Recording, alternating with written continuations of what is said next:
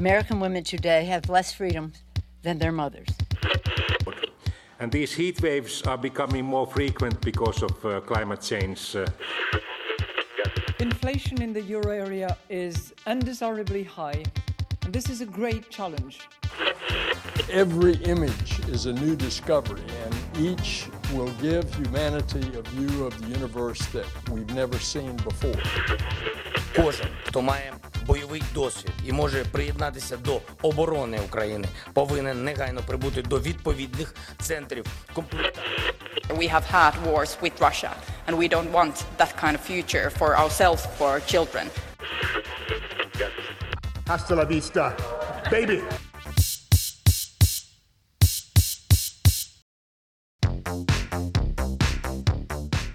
Þú ert að hlusta á heimskviður. Þáttunum það sem gerist ekki á Íslandi. Ég heiti Sunna Valgeradóttir. Ég heiti Bjarni Pétur Jónsson. Við förum víða í þætti dagsins. Fyrsta stoppið er Ísæl og Palestín og svo þræðum við fjöldaríkja í umfjöldunum dauðarefsingar sem enn týðgast í 55 löndum um allan heim. En við byrjum í Ísræl. Ólaf Ragnarstóttir rætti við Magnús Þorkjell Bernhardsson, prófessor í sögu með Östurlanda um áherslur nýrar ríkistjórnar þar og hún rætti líka við sérfræðingi í málefnum Ísraels og Palestínu og stjórnmálaskýranda í Tel Aviv sem er ekki bjart sín á fríðarferlið og segir að draumurinn um sjálfstæða Palestínu hafi aldrei verið jafn fjarlægur. Bann við palestínska fánanum á almannafæri, fleiri landtökubyggðir á landsæði palestínumanna og umdelt yfirhalning á dómskerfinu er á meðal þess sem ný ríkistjórn í Ísrael hefur bóðað. Benjamin Netanyahu er snúin aftur sem fósættis ráð þeirra í ríkistjórn sem er sögð mesta harlínustjórn í sögu Ísraels. Rósmemsjölet Ísrael חבר הכנסת בנימין נתניהו. אני, בנימין נתניהו, בן צילה ובן ציון, זיכרונם לברכה. Þetta er sannlega ekki í fyrsta sinn sem Benjamin Netanyahu sögur embættiseið sem forsætisráðara Ísraels. Hann er þaulsætnasti forsætisráðara landsins og hefur gengt embættinu í meira en 15 ár samanlagt með hljegum þó. Ísraelar hafa gengið fimm sinnum til kostninga á innan við fjórum árum. Tvennar kostningar fóru fram 2019 og í korugtskipti tókst að mynda stjórn. Eftir kostningar 2020 sættust Netanyahu og Benny Gantz á að mynda eins konar þjóðstjórn sem sprakk sama ár og aftur var kosið 2021. Eftir þær kostningar mynduðu Naftali Bennett og Jair Lapid stjórn sem sprakk síðasta sumar en það voru þeir sammála um fátt annað en að halda Netanyahu frá völdum. Aftur var kosið í november, þá tóks Netanyahu að mynda stjórn og í þetta sinn með stuðningi kostningabandalags tveggja flokka sem eru alveg ist á hægri vang stjórnmálana í Ísrael. Og þótt þessi nýja ríkistjórn hafi einungist tekið við völdum í þar síðustu viku hefur gengið á ímsu. We are really afraid that our country is going to lose the democracy. This government brings extreme people to the government in Israel. And we can see right now uh, many laws being uh, uh, advocated for against LGBTQ, against Palestinians, against... Síðustu helgi komu þúsundir saman í Tel Aviv til mótmæla. Við heyrðum í tveimur mótmælendum sem hafa ágjur af stöðu líðræðisins í Ísrael en líka stöðu minnihlutahópa eins og hins einn fólks og palestínumanna. En hvers vegna er þessi ríkistjórn virkilega ógn við líðræðið? The current government really is more extreme. Even in Israel, which is a country of, of you know, fairly hardline nationalist right-wing leadership for several decades now. Dalia Seindlin býr í Tel Aviv. Hún er stjórnmálaskýrandi og hefur fjallað um og rannsakað Ísraelsk stjórnmál í rúmlega 20 ár. Hún segir að nýja ríkistjórnin sé lengra á jæðrinum en þær fyrri. Jafnvel á Ísraelskan mælikvarða þar sem ríkistjórnir eru jafnan þjóðarnissinnaðar hægri stjórnir. They're, you know, changing the range entirely uh, in terms of trying to, you know, annex all the territories and legitimize all the settlements and uh, establish much more religious and theocratic elements in public and private life. Þessi stjórn vilji skipta alveg um stefnu í mörgum málum sem eru viðkvæm og umdeldi í Ísrael. Hún vil innlima landsvæði Palestínu, gera allar landtökubyðir löglegar gagvart ísraelskum lögum og innleiða fleiri trúarlega þætti í líf almennings. Og svo er það umdelda yfirhalningin á dómskerfinu. The first thing that they have done, which is try to change the structure of Israeli of Israel's governing system by you know attacking the judiciary and essentially suppressing it so that you can have unrestrained control of the of the executive. Sendlin segir stjórnina í raun ráðast á dómskerfið með það fyrir augum að auka eigið vald. Þessu hefur verið mótmælt af fleirum en almenningi. We've had surprising levels of um, opposition expressed by different figures in society who are not just the general public, like professional associations, uh, local authorities, um, school principals, the, the, head of the Israeli Bar Association, political scientists. I disclosure, I'm one of the political scientists who signed a petition Hún segir að hafa komið á óvart hversu viðtæk andstæðan er innan lögmannafélags Ísraels, skólastjórnenda, sveitastjórna og röðum fræðimanna. Sendlinn skrifaði sjálfundur áskorun til stjórnvalda um að hætta við þessar breytingar. En þetta ætti kannski ekki að koma neinum á óvart því hægri flokkar, lík hút flokkur Netanyahús og flokkar til hægri við hann hafa unniða því að breyta dómskerfinu í meira en áratug, alveg frá því Netanyahu tók við ennbætti forsætisráþurra 2009. His right-wing coalition partners and certain Likud figures have been trying to constrain the Supreme Court, especially to limit the authority to um, strike down laws or parts of the law that are unconstitutional so what we call judicial review. Ísraelska hægriði vilji sérstaklega koma böndum á hæstarétt sem getur felt úr gildi lög sem þingið setur teljan ástæðu til, nokkuð sem kallast eftirlit domstóla með löggjafavaldinu. En stjórninni þykir hæstiréttur hafa ofmikil völdi í Ísraelsku samfélagi. Og Sendlin segir stjórnarflokkana hafa búið til ákveðna umræðu um að hæstiréttur sé stöðugt að fellur gildi lög sem þingið seti og þannig sé vilji almenningsvirtur að vettu í. And that they are constantly striking down legislation or government actions, and the government's hands are tied. The people's will is not being expressed because the legislature and the executive are being suffocated by the judiciary and uh, specifically by the Supreme Court. Þá tali stjórnarþingmenn einnig um að allir dómarar séu vinstri sinnaðir aktivistar sem vilja gera Ísrael líkara Evrópu. They have developed this theme that all the justices are interventionists or activists and that all the judges are left-wing and that all the judges represent you know, European liberal, you know, Jews of European descent, Ashkenazi. Einn umdeltasta breytingin tengist einmitt heimild hæstarétts til að hafna lögum sem þingi setur. Ef hann kemst að þeirri niðurstöðu að þau brjóti í báa við stjórnarskrá eða svo kallu grunnlög, meira um það hér er rétt á eftir. If the court should do that, the Knesset, the legislature, can just cancel that decision not by a big majority, but by a very slim, simple majority of 61 out of 120 parliamentary seats. Stjórnin vill samsagt að þingið geti einfallega felt úr gildi niðurstöðu hæstaréttar með einföldum meirhluta sem þýðir að hvaða ríkistjórn sem er getur gerta því ríkistjórnir í Ísrael eru eiginlega alltaf meirhluta stjórnir.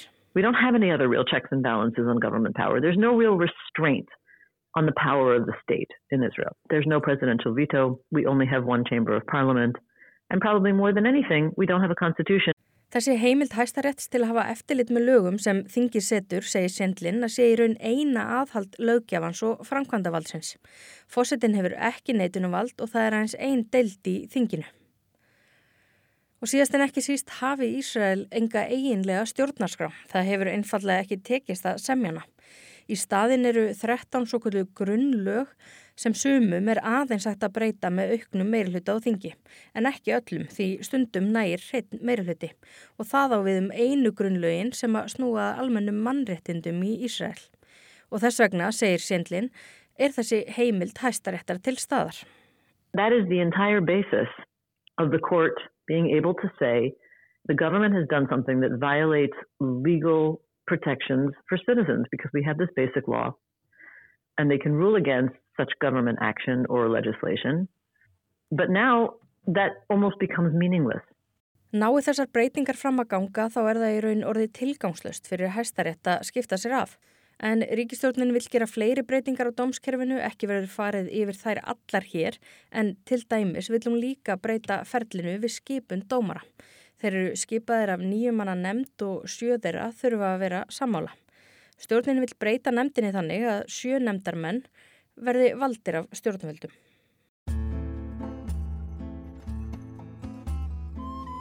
Þessi nýja ríkistjórn Netanyahús hefur ítrekkað verið kölluð mesta harðlínu stjórn í sögu Ísraels.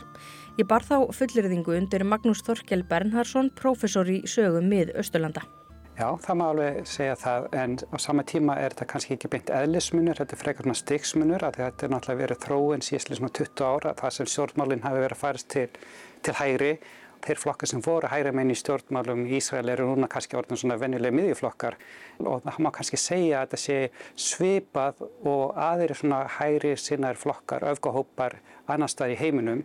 Þannig að það er þannig ákveðni flokkar sem að, þú myndir bara flokkar sem öfgahópar? Já, tímæla laust og það kannski ef við, skoða svona í alltfjörlega samengi þá er þetta hópar sem svona taka svona málstöð þeirra að því lítum til að þeir eru kannski berjast gegn líðræðisöflum og frjálstendisöflum og móti svona ákveðin tegund af, af réttindi minni hlutahópa. Þannig að þetta er kannski svona klassísk sko, hægri sinnar öfgahópar eins og við höfum séð í Brasilíu og Bandaríkjunum og, og viða í heiminum. En kannski munurinn af þessu sem er Ísrael að í þeim löndum þessum við séð þessa hægri öfgahópa þróast og komast í stjórn að þeir eru fyrst og fremst að sko vinna gegn líðræði í eiginlandi og þessi hópar í Ísrael, þessi ríkistofni í Ísrael mun sannlega ykkur leiti gera það en þeir eru kannski líka líklar til þess að heia stríð og, og, og færa út kvíðna sko ofbeldi út fyrir uh, landamærin held, heldur en samverðilega hópar annar staðar í heiminum. Þessi nýja ríkistjórn, hvernig myndur lýsa stefnu hennar gagvart Palestínu? Já, sko í þessu tilfelli þá þarf meila að tala sko um Palestínu og palestínumenn sko í fleirtölu að þeir eru svo í, við ólíkar aðstæður. Og ef við tökum eins og þess að þrjá megin hópa, Gaza og þeir sem eru innan Ísraela, palestínumenn sem eru rík, ís, ísraelskir ríkisborgarar og síðan þriðalagi á vestubakkunum, þá má alveg gera ráð fyrir því að, að, að það veru öruvísi umhorfs hjá þessum hópum. Og kannski fyrst ef við tökum Gaza sem er svo hópur sem stendur hvað í verst er að það er mjög líklegt að það verður bara stríð þar og enda hefur það verið með reglulega millibili og ég held að þessi nýja ríkisvöld vil sína fram að það að þeir er að gera eitthvað og, og eru sífælt að, að reyna minga mátt uh, stjórnarina þar þannig að það er borlíkjandi að sáhópur á eftir að vera fyrir barðina á þeim. Það virðist vera mjög augljóst að, að Ísraelski ríkisborgar sem eru palestínumenn Eh, sáhópur á eftir líka að fá sko minka verulega sko þjónustu og aðstóð og uh, hjá þeim og, og hafið þeirra á eftir að minka og, og kannski, kannski farið að finna mikið fyrir svona kynþáttahattur enn frekar.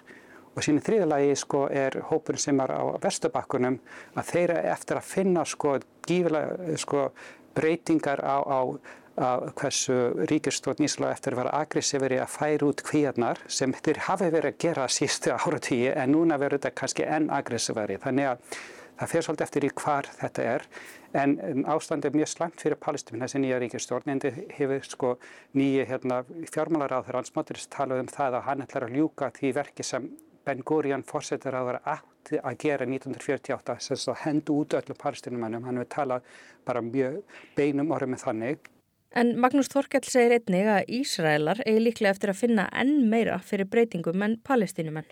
Því Ísraelar hafa aðlistu upp margi hverjir í þetta er svona til til að frjálslitt samfélag.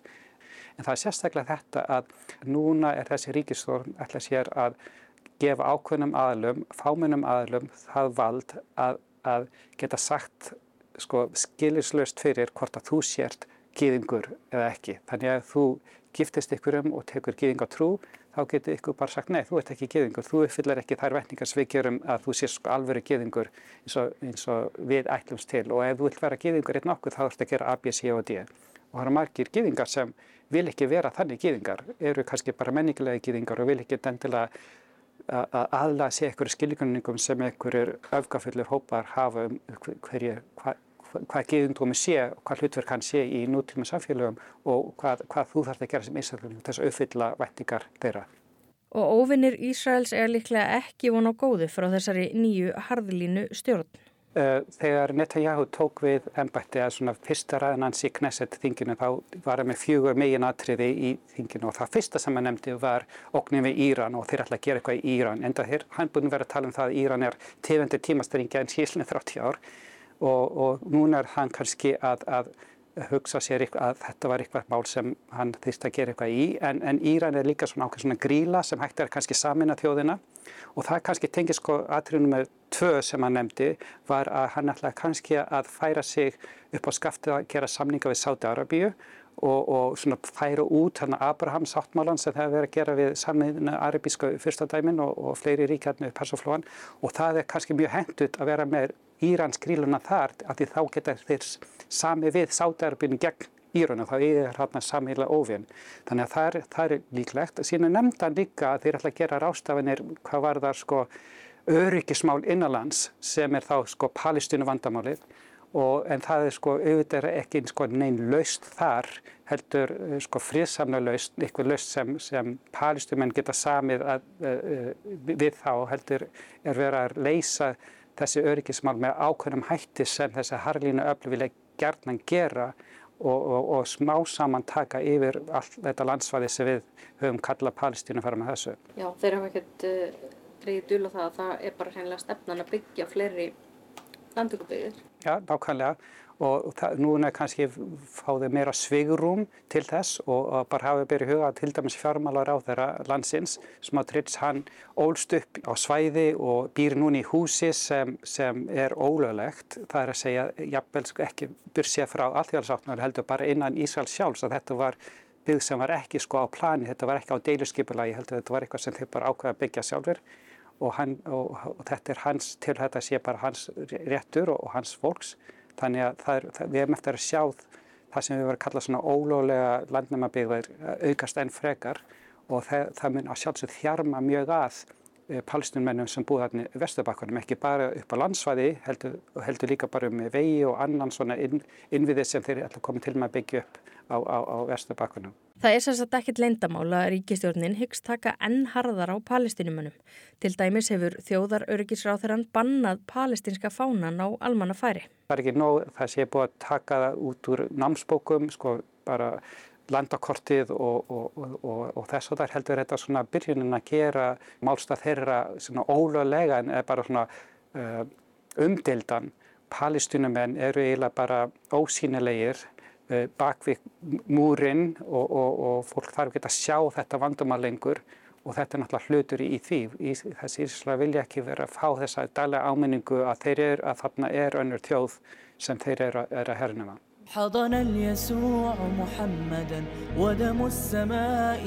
Fjármálar á þeirran Smotrið sem Magnús Þorkell nefndi er ekki eini öfgamaðurinn í þessari ríkistjórn. Þjóðar örgisráþeirann í Tamar Ben-Gvir er afar umdeldur vegna öfgafullra skoðana og hefur kallað palestinska kollega sína á þinginu hriðiverkamenn. Eitt af hans fyrstu verkum var að bræða sér á musterisæðina eða Haram al-Sharif í Jérúsalem. Svæði er kallað mismöndi nöfnum eftir því við hvern út talar. Þar er Al-Aqsa moskan og svæðið er það þriðja heilagasta fyrir múslima á eftir Mekku og Medínu. Og það er líka helgasta svæði gýðinga, svo heilagt að samkvæmt trúarlegum gýðinga megaðir ekki einu svoni faraðangað. Heimsókn Ben Gvir á hæðina hleyfti yllu blóði í marga, stjórnvöldi í bandaríkinum, Jórdaníu og víðar fordæmdu ráðarann. Það er hópur trúaðara þjóðurni sinna og Ben Gvir er einn af þeim sem notar musterisæðina í pólutískum tilgangi til þess að gefi skinn að Ísrael ráði yfir allri Jérúsalem og öðrum hertöknum sögðum í Palestínu. Þetta er Mæraf Sonsin, yfir sérfræðingur í málefnum Ísraels og Palestínu hjá hugveitinu International Crisis Group. Allt frá 1967 hefur verið eins konar samkumulag um það að Ísrael gefi jórnum eftir yfiráð á þessu svæði í þeim tilgangi að tryggja stöðuleika og skapa frið. Þannig að heimsóknast þangað táknar að hann vilji breyta þeirri stöðu sem er afar viðkvæm. Í tímans rás hefur oft svoðið upp úr á hæðinni. Til dæmis árið 2000 þegar Ariel Sharon, þáverandi leittögi líkútflokksins, fór þangað og kvekti nestan að setni uppreist palestinumanna, Second Intifada, sem stóð allt til 2005. Þetta er mjög eldfimt svæði og hann var full meðvitaður um það. Meira en 70 ár eru liðin frá stopnun Ísraelsríkis. Palestinumenn eiga ekki ennsitt fullvalda ríki, að minnstu kosti ekki sem allar þjóðir heims viðurkenna. Sjálfstæð Palestína virðist sífælt fjarlægari með hverju árunu og tveggjar ekki að lausn er ekki í sjónmáli. En hvernig metur mæraf horfurnar gagvart hinnu svo kallaða friðarferli út frá nýju ríkistjórninni? Right, well, even before this government, there was no peace process to speak of for quite a long time. There's no Það hefur ekki verið neitt fríðarferðli til þess að tala um í langan tíma. Ísraelsk stjórnvöld hafa ekki sínt vilja til þess að hefja politíst samtal við palestínumenn því þau segja að þar sé enginn til þess að tala við. Þau segjast reyna sækjast eftir friði en palestínsk yfirvöld vilji bara stríð. Þannig að draumurinn um sjálfstæða palestínu hefur aldrei nokkuð tíman verið jafn fjarlægur. is the farthest away that it's ever been. عيوننا إليك ترحل كل يوم Íranska ríkið hefur verið harðlega gaggrínt af alþjóðasamfélaginu síðan að mótmælinn gegn klerkastjórninni brutust þar út í september og þeir sem stjórna í Íran hika ekki við að taka fólk af lífi. Fjórir mótmælendur að minnstakosti hafa verið aflífaðir, sakaður um hitt og þetta. Þeir voru pintaðir fyrir aftökurnar sem er henging í Íran þó að þessi notast við ímsar aðferðir þegar að kemur að dauðarefsingum í heiminum. Mannréttinda skrifstofa Saminuðu þjóðana og Evrópusambandið fordæma aftökurnar sem eru sagðar byggja á ósangjörnum réttarhöldum og þvinguðum hjáttningum. Ríkistjórnirinn að ímsu vestrænu ríki hafa sömulegis fordæmt aftökurnar meðal annars ríkistjórn bandaríkjana en bandaríkin eru einmitt eitt af löndum heims þar sem dauðarefsingar eru enn upp á borðinu. Að minnstakosti 579 fangar í átjón löndum voru teknir af lífi árið 2021 samkvæmt skýrslu Amnesty International. Samtökinn benda á að dauðadómum og aftökum hafi fjölgað í ríkjum sem hafa beitt þessu mikið hingað til.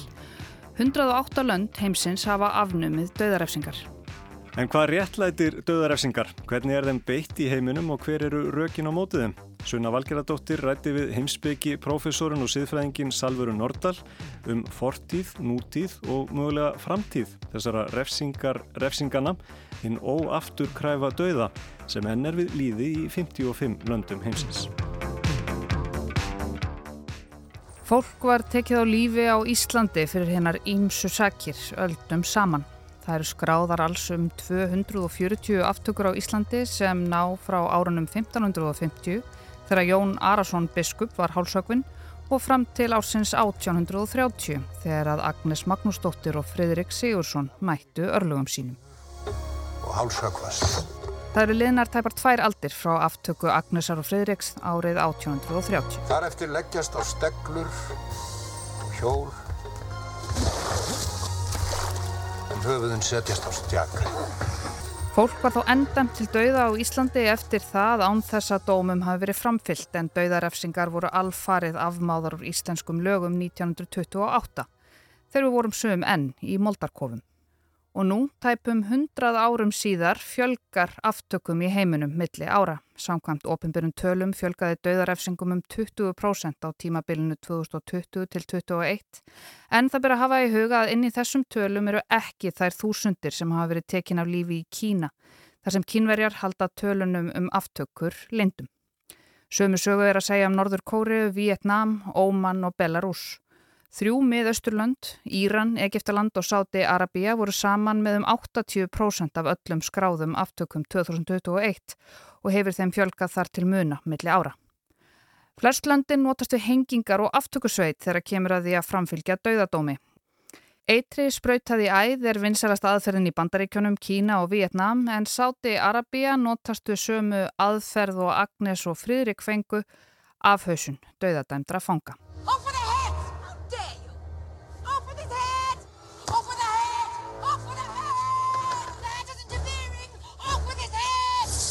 Meðal þeirra 55 landa sem leifa aftökur vegna glæpa eru Bandaríkin, Íran, Sáti, Arabia, Japan, Sómalia, Suður Sútan og líðveldið Kongo. Það eru kannski tvær kenningar sem eh, eru um réttlætingar efsingar sem skipta máli þegar við erum að tala um döðarefsingar. Salver Nordal er prófessor í heimsbyggi. Hún hefur verið umbóðsmaður barna síðan 2017 en fyrir það var hún meðal annars prófessor við Háskóla Íslands Forstöðumadur siðfræðistofnunar og fulltrúi Íslands í Norrænu lífsiðfræðinemdini. Ein af sérhefingum salvarar sem siðfræðings og heimsbyggings eru refsingar og kendi hún meðal annars kursa þeim tengdum í háskólanum. Nafn heimsbyggi profesorsinn Salvarar Nordal kemur ítrekkað upp þegar maður googlar eitthvað tengt döðarafsingum í íslensku. Meðal annars er hún höfundur afar góðrar greinar á vísindavefnum sem heitir Hver er siðferðislegur grundvöldur fyrir aftöku sakamanna? Þessi grein er orðin meira en 20 ára gömul en eins og með svo margt annað sem lítur að siðfræði og almennum grundvattal gildum heimsins á hún enn vel við. Ég fekk Salveru til mín í stúdíu 0 í efstaleiti og baðana um að fara í smá stund úr umbóðsmanns barna jakkanum og í prófessorsjakkan. Þetta jakkatal er myndlíking, það er alls engin enkennisbúningaskilda í háskólanum eða hjá umbóðsmanni barna. Ég byrjaði á að spyrja Salveru út í þá grunnforsendu sem er notuð til þess að leifa og réttlæta döðarafsingu. Það er annars vegar gjaldastefnan sem á rætur að reykja meðal annars til eh, Immanuel Kant, þíska heimsbyggingsins og hún segir einfallega að ef maður hefur brotið af sér þá á maður skilið að verða vera refsað. Og, og fá þá sömu refsingu og brot, eðli brot sem svarað, er þetta svona auga fyrir auga? Já, hann var með uh, þá hugmynd að það væri auga fyrir auga og, þá, og auðvitað er það þannig að við flokkum afbrot og eftir þyngd og því er alvarlegri sem afbrotin eru því uh, þingri resingar og svo erum við með ákveðnar hugmyndur um hvað eru þungar af syngar og, og, og annað. Og það er auðvitað mjög erfitt að í mörgum tilvikum að, að beita auga fyrir auga refsingu, það fer auðvitað eftir afbroti en það er einfaldast þegar um er að ræða e, morð eða sagt, það sem hérna, líf einhvers hefur verið tekið að þá gjaldi maður með lífi sínu. Og, og það var til dæmis hans e, hugmynd og hefur náttúrulega verið hugmynd margra. E, hinn e, kenningin sem skiptir máli hérna er, er fælingastefnan að hún er, segir það að, að að ef maður, að, að, að réttlætingi bara yfirleitt fyrir að vera refsa fólki er fyrst og fremst svo að hafi, að refsingin hafi fælingamátti fyrir með sér og hún drægi það úr afbrotum, hún kom í veg fyrir að viðkomandi uh, brjóti af sér aftur og kom í veg fyrir að aðri gerða og hún getur líka skipt máli í sambundu döðarefsingar en þá þarf við auðvitað að sína fram á að það að taka upp döðarefsingar eða, eða viðhafa döðarefsingar hafi þennan fæ, fælingamót. Og það hafa nú verið ymsa rannsóknir í gegnum tíðina sem sína fram á og svo er ekki, eða hvað? Já, hefur, hefur, þetta hefur til dæmis verið rannsæka mikið í bandaríkjónum og þar, þar hafa margir talið sér geta sínt fram á það að það sé ekki fælingamáttur e, í döðarafsingum og, og hafa til dæmis bent á það þegar ríki hætta að við hafa döðarafsingar að þá uh, sí, komið það ekki fram í, í uh, auk, aukinni afbrotatíðni mm. eða auk, auk, aukinni tíðni þá alvarlegastu brotunum. Þannig að það er erfitt að sína fram á þetta en það kannski er, er grund, grunnurinn að því að, að við beitum þessari aðferð með þessum rökum. Já. En svo eru líka einhverju sem segja að uh, ótti eða ef, ef við tölum forvarnargildi refsinga að uh, það hljómar ekkert endilega eitthvað skár, skár að vera hugsa sér ævilangt fangilsi? Nei, auðvitað geta sko refsinga verið margvíslegar og, og fangilsi eru margvísleg og, og þau geta verið þannig að þau, það sé kannski ekkit betra að, hérna, að rótna eða, eða dúsa í fangilsi lengi og alla æfina og eiga enga vona að komast út. E, það er, og það, þannig að sum, sum til dæmis ríki í bandarækjum tóku þann kost frekar í, en að halda, hafa döðarauðsingar að, að þá verði bara þá verði það sérst ævilangt fangelsi sem ekki er hægt að, að komast út úr. En auðvitað eru döðarauðsingar sérstakar að því leiti að það er eins og alltaf þegar döðin er markmið eða endapunkturinn að þá er auðvitað ekkert að taka hann tilbaka. Og það er auðvitað fjölmur dæmum það að, að fólk hafi ránglega verið dæmt til dauða. Og síðan kannski kemur það fram mörgum árum síðar og þá er, þá er auðvitað ekki hægt að gera neitt í málinu ef viðkomandi hefur verið tekin af lífi. Og það er auðvitað mjög mikilvægt í svona siðferðilegri eh, hugmyndum refsingar að við refsum ekki saglusu fólki, fólki sem hefur ekki brotið af sér það reyndar má, það hefur, það reyndar þegar við erum að e, nota e, fælingamáttin þá er þetta getur það þýtt að, að við, það getur verið réttlægt að, að, að refsa mannesku sem ekki hefur brotið á sér eða, eða hefur fælingamátti fyrir með sér og kemur í veg fyrir önnur brot.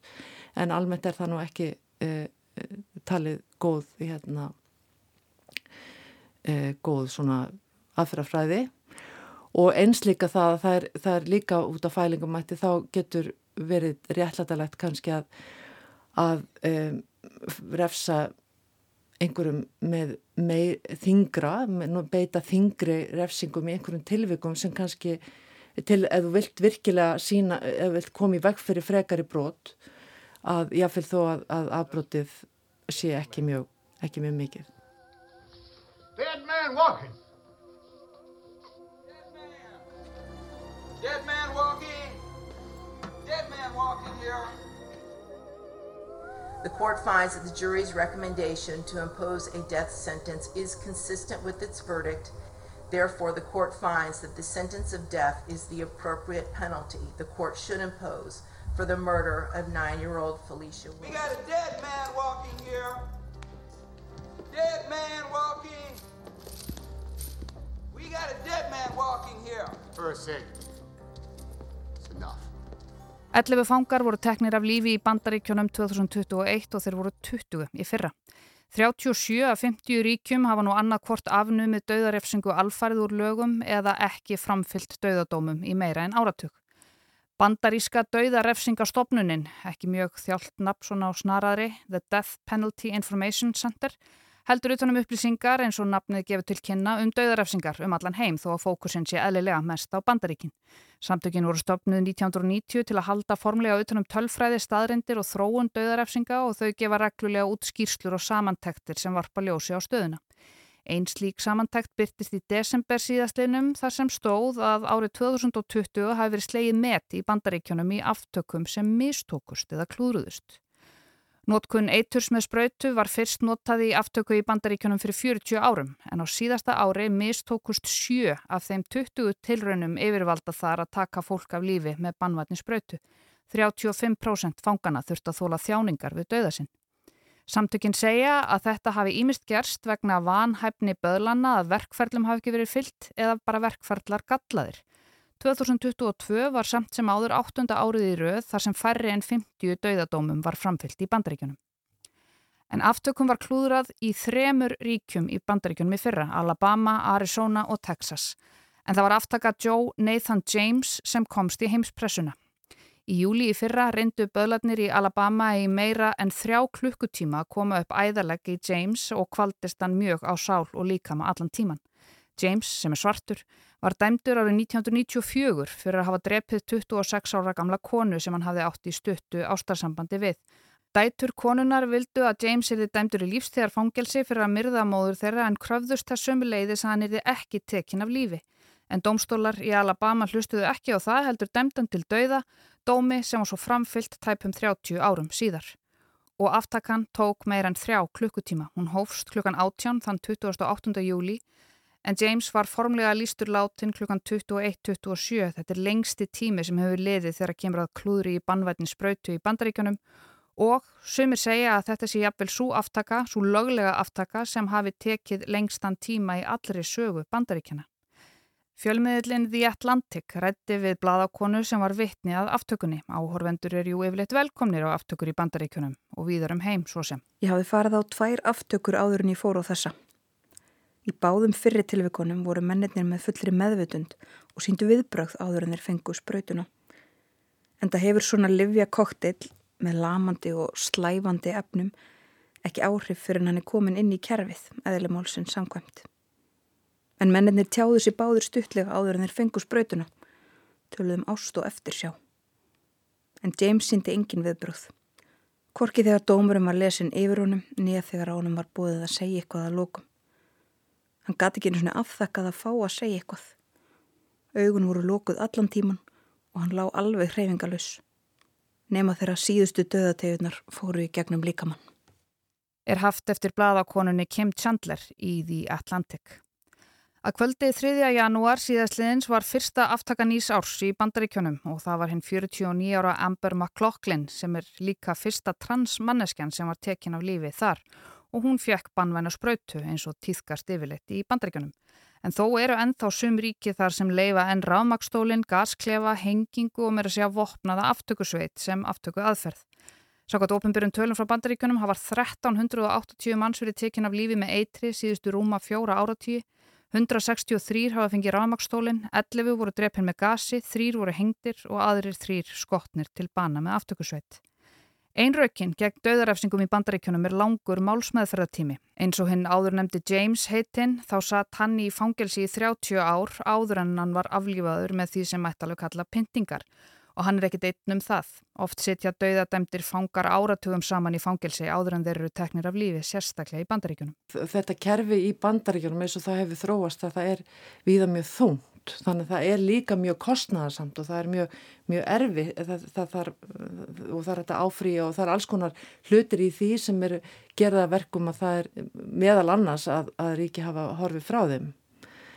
Já, það er auðvitað mikil refsingi fólkinni því að, að býða lengi mögulega eftir að fullnustu refsingarinnar. En, en á meðan fólk er á lífi þá á það von mögulega á einhverju breytingu og, en sem er auðvitað farin þegar aftakan hefur átt sér stað. Síðan hafa líka komið upp uh, mál þar sem að aftakan mistekst, það tekur marga klukkutíma jafnvel að, að koma inn nál uh, ef þú ert að fara í, hvernig segir maður lethal injection á íslensku bannvænsbröð? Já, já. Sko það er auðvitað, það er, það er auðvitað margt í, í, í þessu, það er auðvitað hvernig maður réttlætir þetta og, og hvernig við eh, flokkum uh, döðrössingar og svo náttúrulega hvernig uh, aftakan fyrir fram. Og það er auðvitað hvaða aðferður eru notaðar og, og, og er það sásökuleust fyrir viðkomandi og svo framvegs og hvernig er hægt að tryggja það og það eru auðvitað, segir það í, í mannrættasáttmála uh, samanuðu þjóðana að það skal enginn sæta pyntingum, grimmilegri eða ómannlegri eða vannvirðandi meðferðu eða refsingu. Og, og, og, og döðarefsinga hefur náttúrulega verið flokku þar. Og þess vegna það sé bara mannrættita brot að beita döðarefsingu vegna þess að hún sé grimmileg og hún sé ómanneskuleg og hérna og það er meðal, meðalans kannski af því að að ein, eða kannski einru ökk eru þau að, að, að það er ekki hægt að framkamana þannig öðruvísi heldur en að, að valda miklum erfileikum fyrir viðkomandi, bæði aðdraganda og jáfnvel þegar aftakan á sér stað mm. sjálf. Já, hvað að gefa bandaríkjónum ágætis plásið sem þætti um döðarefsingar einfallega vegna þess að það er það land í heiminum sem enn leifir döðarefsingar og er kannski hvað líkast okkar. Þar er jú líðræði brotætt á köplum þó og landið telur sig sömulegis vera einhvers konar vöggu vestrætnar síðmenningar sem á svo sem líka alveg deila um. En í mörgum öðrum löndum í heiminum þar sem döðarefsingar eru við líði eins og til dæmis í Íran, Sáti, Arabíu og Sómalíu er líðræðið af afskaplega skortnum skamti og sumstaðar bara alls ekkert til staðar. Þau eru ennþá alveg nokkur löndin í heiminum þar sem algjört innræði ríkir og réttlátt málsmeðferð yfir fólki er ekki til þá er kannski ríkisvaldið fyrst og fremst bara að sína það að það hefur algjör, algjört vald yfir borgurum eða, eða yfir þegnum sínum og, og getur beitt bara þeim aðferðin sem þurfa, sem duga og þeir telja, eða viðkomandi stjórnvöld telja að, að þurfi til þess að, að viðhalda kannski Um, ró í samfélaginu eða, eða, eða reglu bara og, og, hérna, og sinna eigin stöðu og þá er ekki, þá erum við, höfum við kannski ekki, getum við kannski ekki skoðað eh, hvernig, hver, hver raunvölu réttlætingin er. Þannig það er auðvitað mjög mismunandi hvernig stjórnafarið er. Já. Heldur þú, ef við bara svona fabulerum aðeins fram í tíman, heldur þú að dauðarafsingar í heiminum verði á einhverjum tímapunkti annarkvort algjörlega afnumdar bara að þetta verði bannað allstaðar í heiminum. Eða heldur að við förum jáfnvel tilbaka því annað eins hefur nú sínt sig mhm. að, að það getur nú alveg gerst líka að það væri bara, myndi bara uh, of mönnuð fangelsi eldri mannfjöldathróun uh, allt þetta, fátækt hungursneið, stríð. Heldur að við gætum farið í hvora áttina sem er í þróuninni Já, ég held að það sé mjög erfitt að, að segja til um í hvaða átt við förum en á meðan líka það eru í heiminum sem ég held að það sé nú kannski erfitt að sjá fyrir sér að það verði ekki í náinni framtíð að harstjórnir eða einræðisriki að þá verði döðarasöngum beitt og þá verði mjög beitt svona tilvunna kent og, og án dóms og laga og án þess að fólk geti varið sig og án þess að það sé jáfnveil mikil, mikil sem fólk hafi gert af sér.